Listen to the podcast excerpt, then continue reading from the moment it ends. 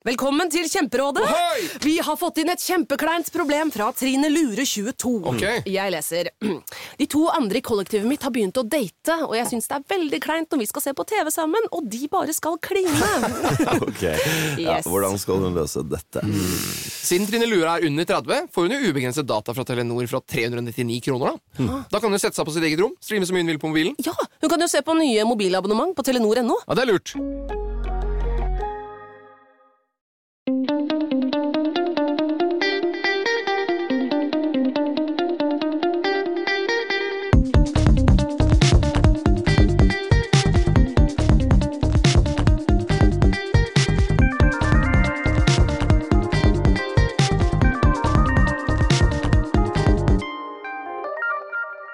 Velkommen til denne episoden av Lynkjapt historier du har tid til. Mye i livet er jo tilfeldig, og det kan føre til gode ting eller dårlige ting. Denne historien viser imidlertid at det som var helt tilfeldig, førte til noe helt forferdelig. Historien starter på et vis i den østerrikske landsbyen Braunam am Inn. Her ble historiens hovedperson født i 1889. Moren Klara hadde i tillegg til denne gutten barna Paula, Ida, Edmund, Otto og Gustav, så det var en stor søskenflokk. Faren Alois jobbet som tjenestemann i tollvesenet og var familiens eh, overhode. Kona Klara var hans eh, tredje ektefelle. Familien flyttet eh, noen år senere til en liten tysk by med navn Passau. Byen har en veldig gotisk og barokkpreget arkitektonisk stil, og, og byen er omkranset av tre elver. Og det er i denne lille byen historien begynner, hvor tilfeldighetene skal vise seg å bli skjebnesvangre for langt flere enn de to involverte guttene denne kalde vinterdagen en januar i 1894. Historien handler om to gutter, begge fire år gamle. Den ene skulle bli prest når han ble stor, den andre politiker. Det var en vanlig januardag i den lille landsbyen. Det var kaldt, snøen lå tett på bakken, det var is på deler av elven, og barna lekte og hadde det gøy i snøen, sånn som barn gjør når det er vinter. Den ene gutten het Johan Kuberger, som etter hvert skulle bli en helt for det han gjorde, men med følger som skulle få ringvirkninger langt utover landsbyens grenser.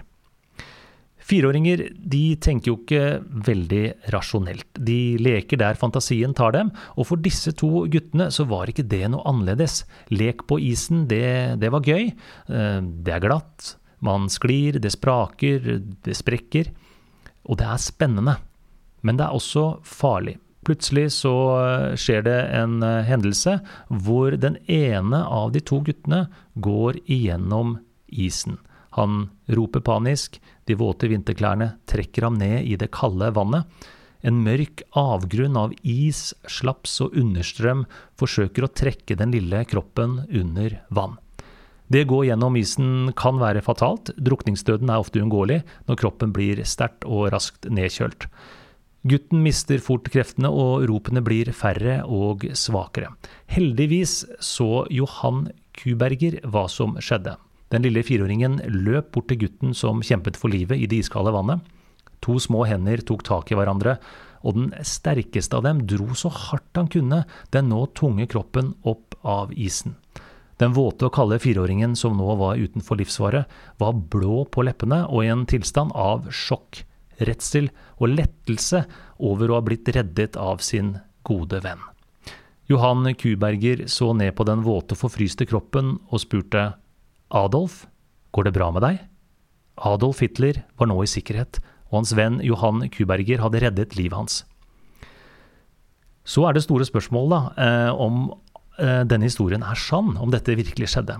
Og ja, den er, den er faktisk det. Eh, For det første så kan eh, vi se på et tysk avisklipp fra 1894 at denne hendelsen blir omtalt. Dog uten så mange detaljer, men historikere mener det er en plausibel kilde. For det andre, Johan Kuberger sin forløper Max Tremmel hevdet på sitt dødsleie i 1980 at Johan Kuberger hadde fortalt ham at han hadde reddet Adolf Hitler fra å drukne. Og for det tredje, forfatteren Anna Rosmus nevner i sin bok med tittelen Out of Passau, Leaving a City Hitler Called Home, at hun selv som barn i Passau hadde hørt om hendelsen. Hva med Hitler selv, nevnte han historien? Nei, han delte aldri hendelsen med et ord til noen, men han fortalte gladelig sine generaler historier om hvordan han som liten gutt lekte langs elven i Passau.